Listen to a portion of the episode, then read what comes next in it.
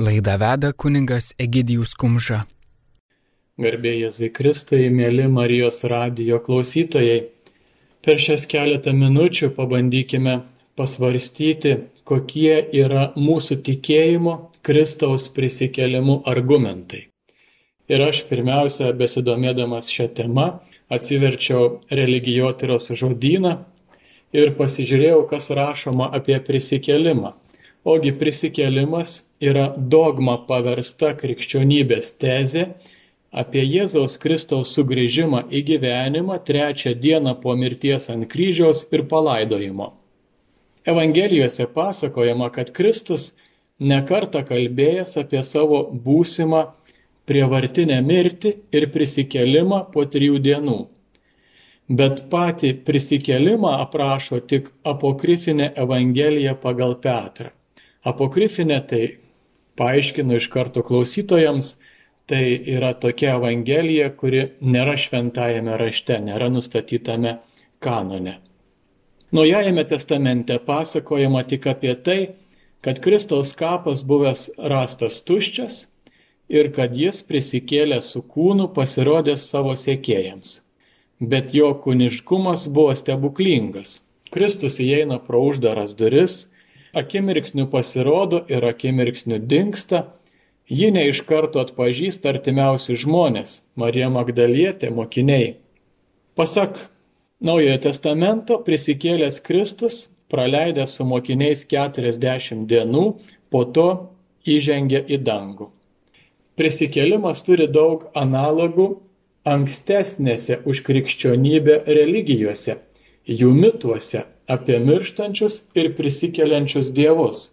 Tačiau, brangieji, Biblijos koncepcija apie prisikelimą negalima jokiais būdais palyginti su graikų kultūros nemirtingumo idėja. Pagal graikiškai supratimą žmogaus siela, prigimtimi nesunaikinama, tampa nemirtinga išsilaisvinusi iš kūno pančių. O pagal Bibliją visas žmogiškasis asmuo dėl susidariusios situacijos yra atiduotas į mirties glėbį. Siela taps šiaolo belaisve, o kūnas supus kape. Tačiau tai bus pereinamoji būsena. Dėka Dievo malonės žmogus vėl bus prikeltas gyvenimui, kaip kad kas pakyla nuo žemės pailsėjęs arba keliasi iš miego.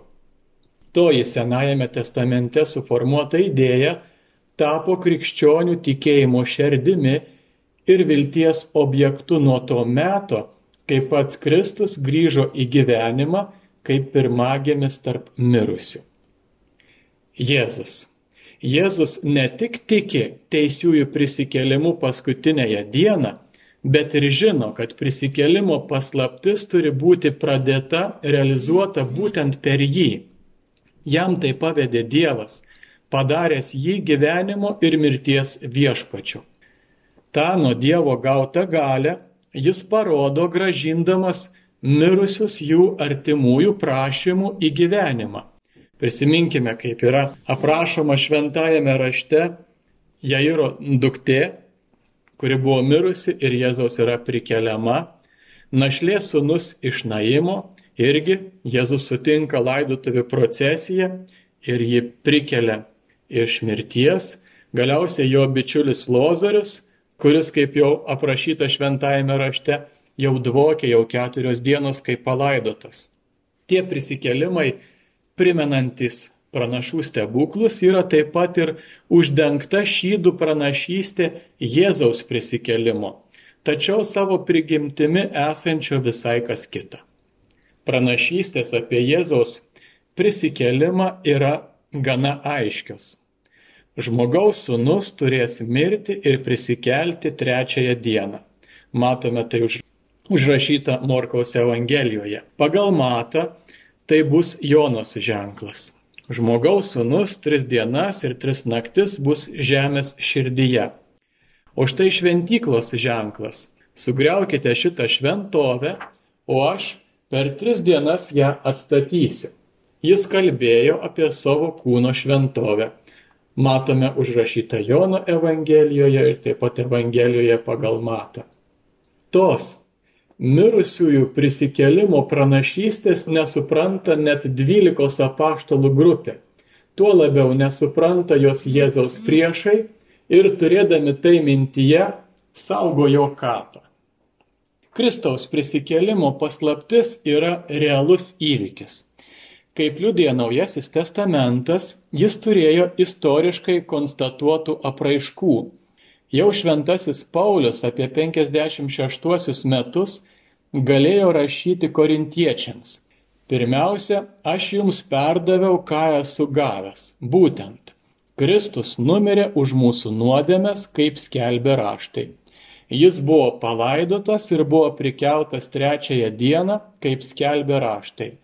Jis pasirodė kefui, paskui dvylikai. Randame užrašytą pirmame laiške korintiečiams 15 skyriuje. Apaštalas čia kalba apie gyvąją prisikelimo tradiciją, apie kurią sužinojo po savo atsivertimo prie Damasko vartų. Tuščias kapas. Luko Evangelijoje yra aprašomas tuščias kapas. Kam ieškote gyvojo tarp mirusiųjų? Nėra jo čia. Jis prisikėlė.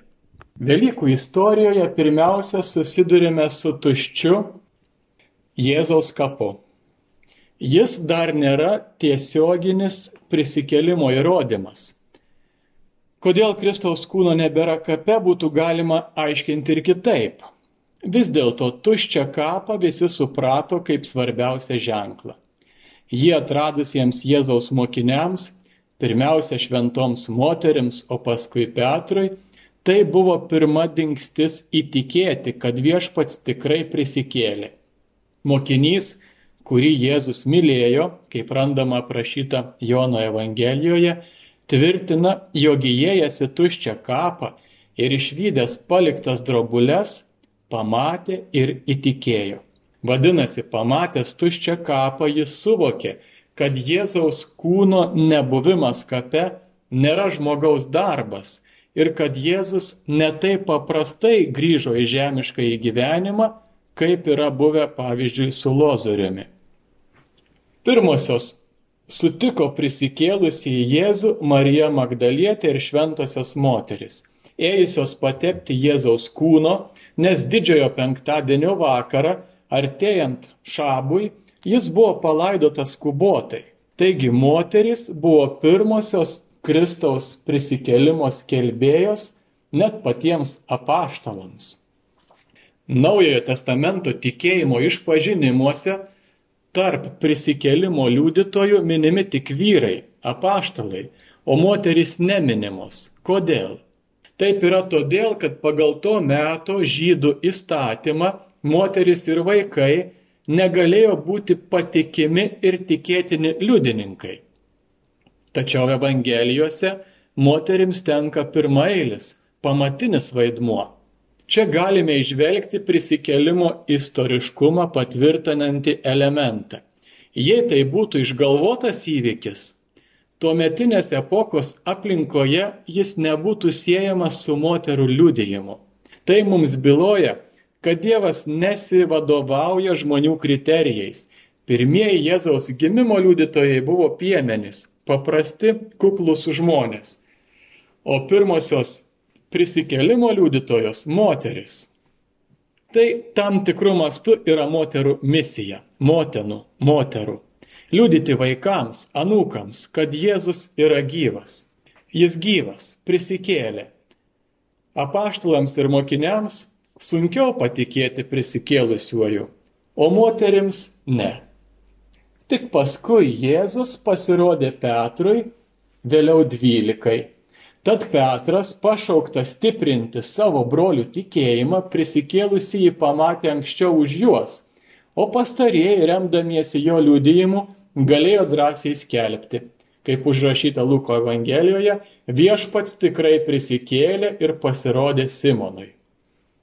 Visa, kas tomis Velykų dienomis įvyko, įpareigojo kiekvieną apaštalą, ypač Petrą, kurti naująją erą, kuri išaušo Velykų rytmetį. Būdami prisikėlusiojo liudytojai, jie lieka kertiniai jo bažnyčios akmenys.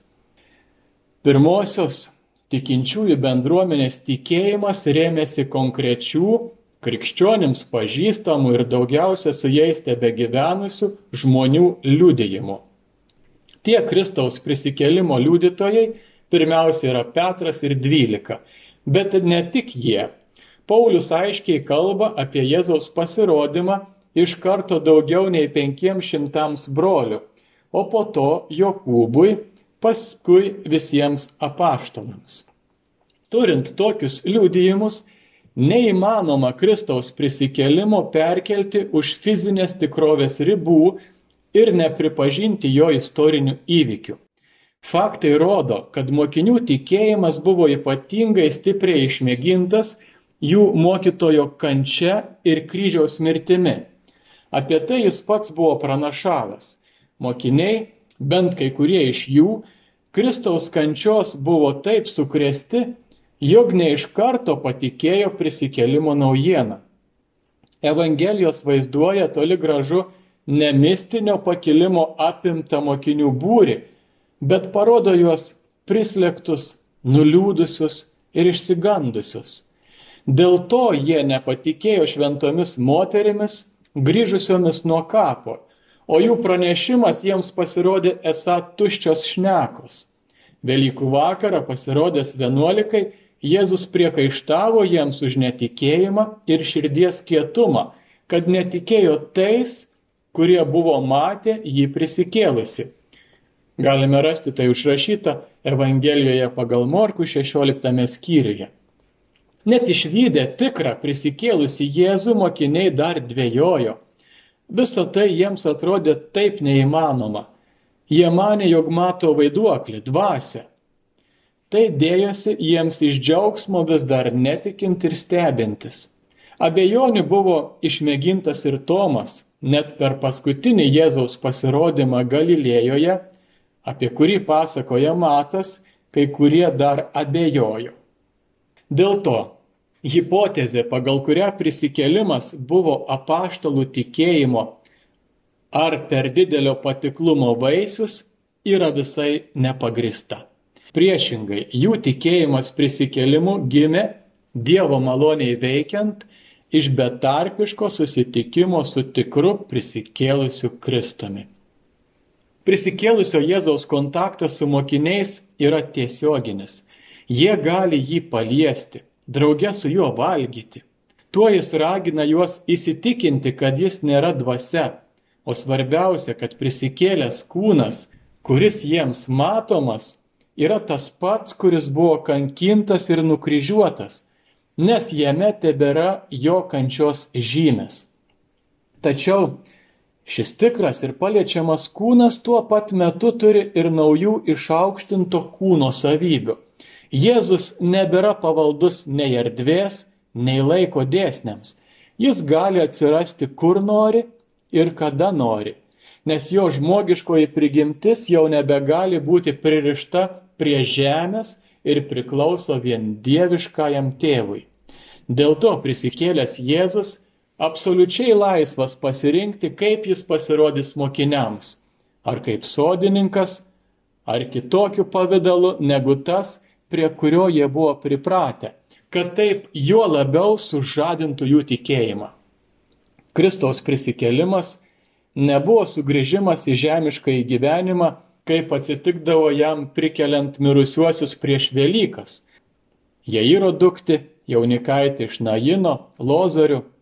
Tie faktai buvo stebuklingi įvykiai, tačiau stebuklingai prikelti asmenys Jėzaus gale sugrįždavo į įprastinį, žemišką gyvenimą.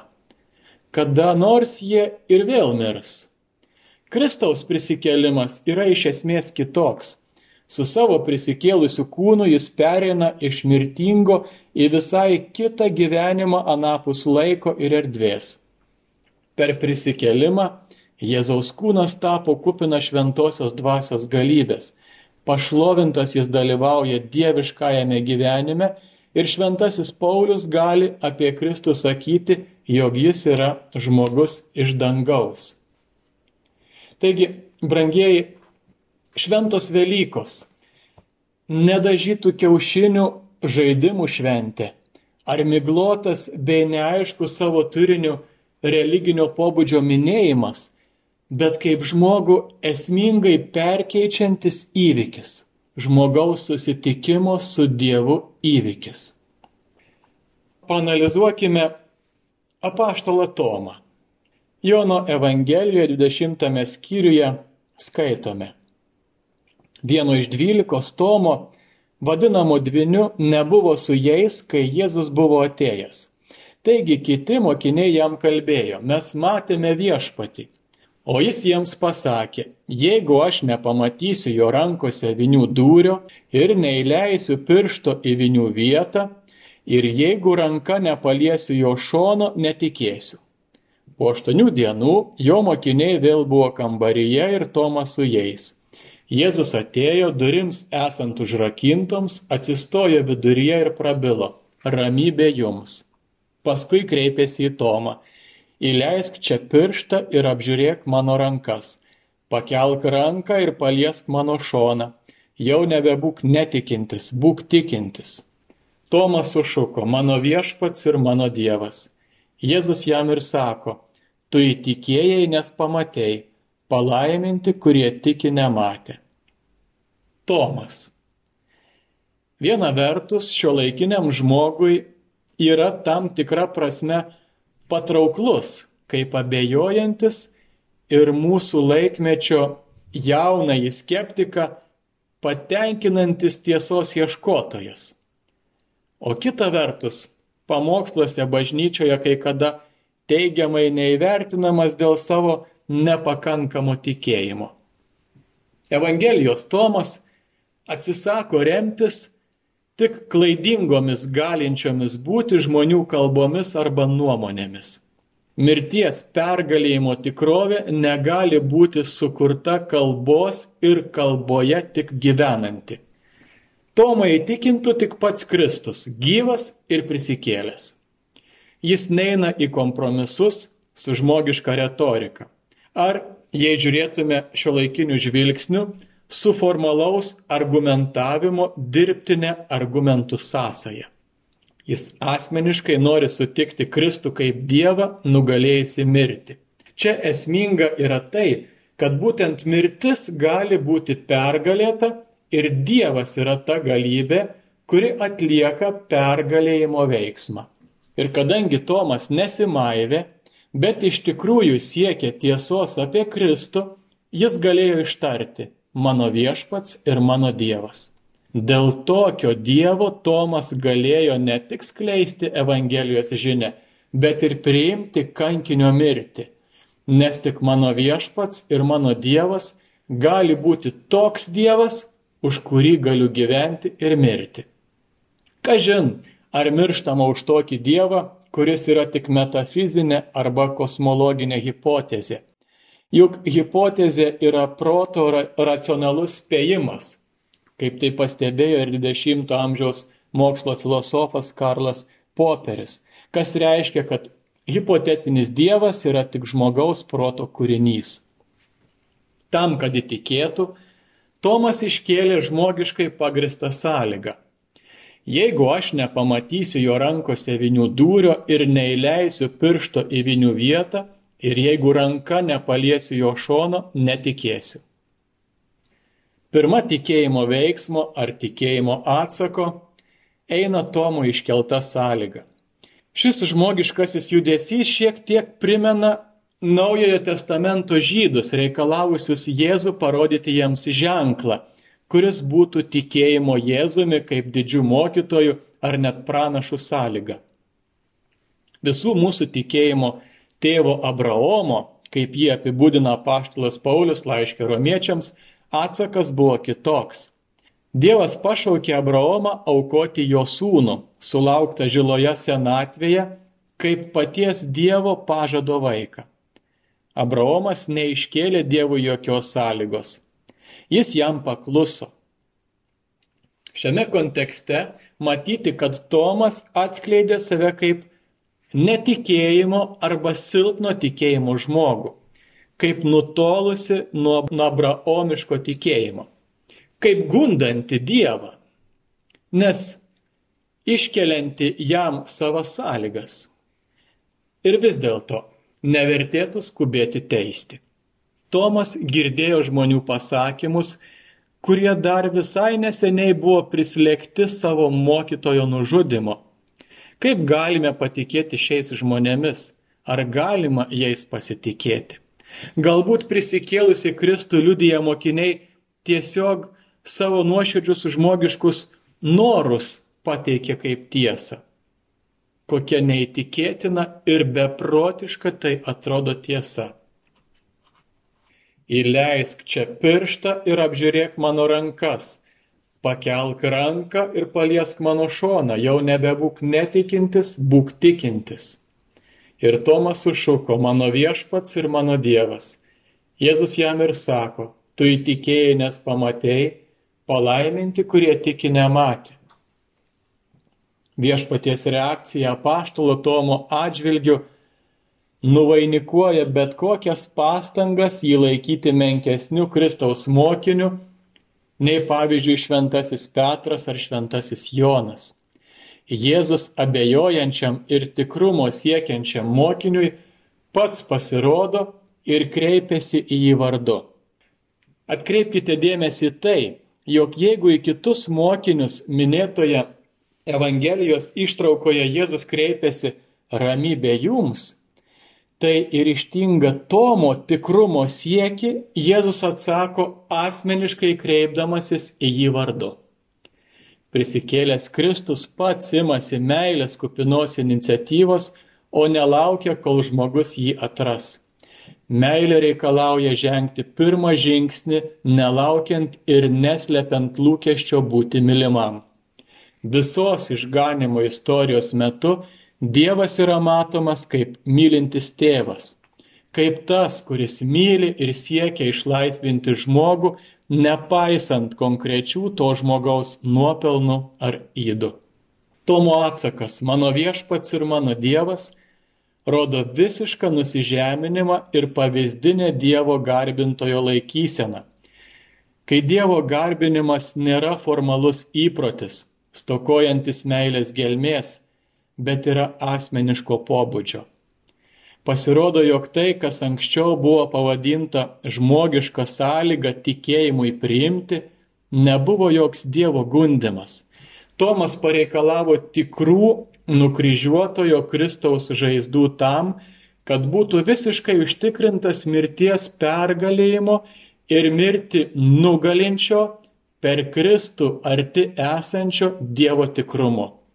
Tomas nenorėjo būti apgautas. Net tas nepasitikėjimas kitų mokinių kalbomis rodė ne tai, kad Tomas laikė juos melagiais ar blogais žmonėmis, bet nenorėjo apsigauti dėl pačių svarbiausių gyvenimo dalykų.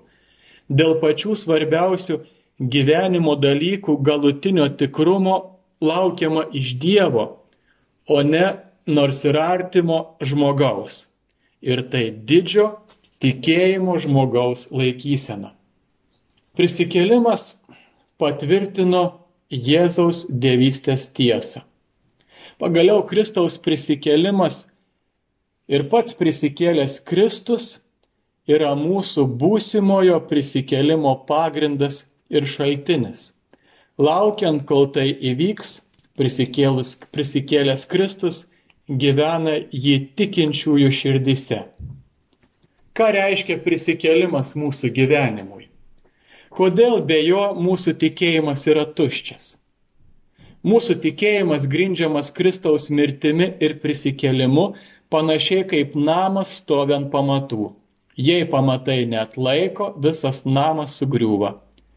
Ant kryžiaus Jėzus paukojo pat save prisimdamas mūsų nuodėmes ir nužengdamas į mirties bedugnę, o prisikelimu jis jas įveikia, atleidžia mums ir atveria kelią atgimti naujam gyvenimui.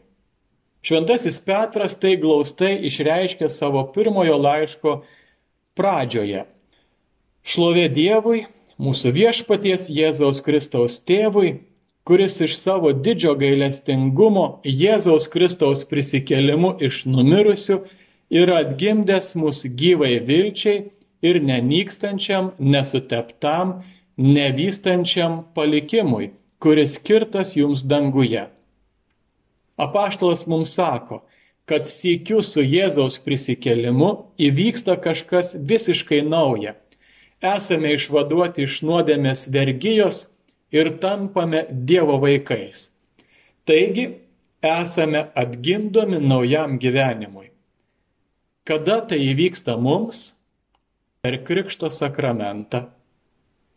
Būtent per Krikštą gautoji dvasia mus moko ir ragina sakyti Dievui tėvę, veikiau abą, tai reiškia tėti.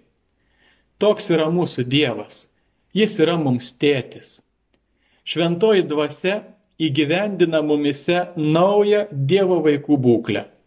Tai didžiausia dovana, kurią gauname Velykinėme Jėzaus slėpinyje.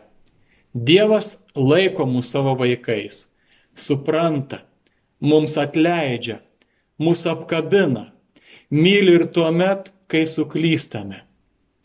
Jau Senajame testamente pranašas Izaijas sakė, kad netgi jei motina pamirštų savo vaiką, Dievas niekuomet mūsų nepamiršta ne vienai akimirkai.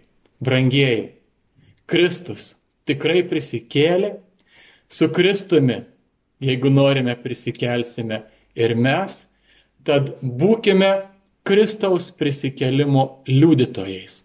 Būkime Kristaus prisikėlimo vilties žmonėmis. Amen. Garbė Jėzui Kristui. Katechezė sakė kuningas Egidijus Kumža.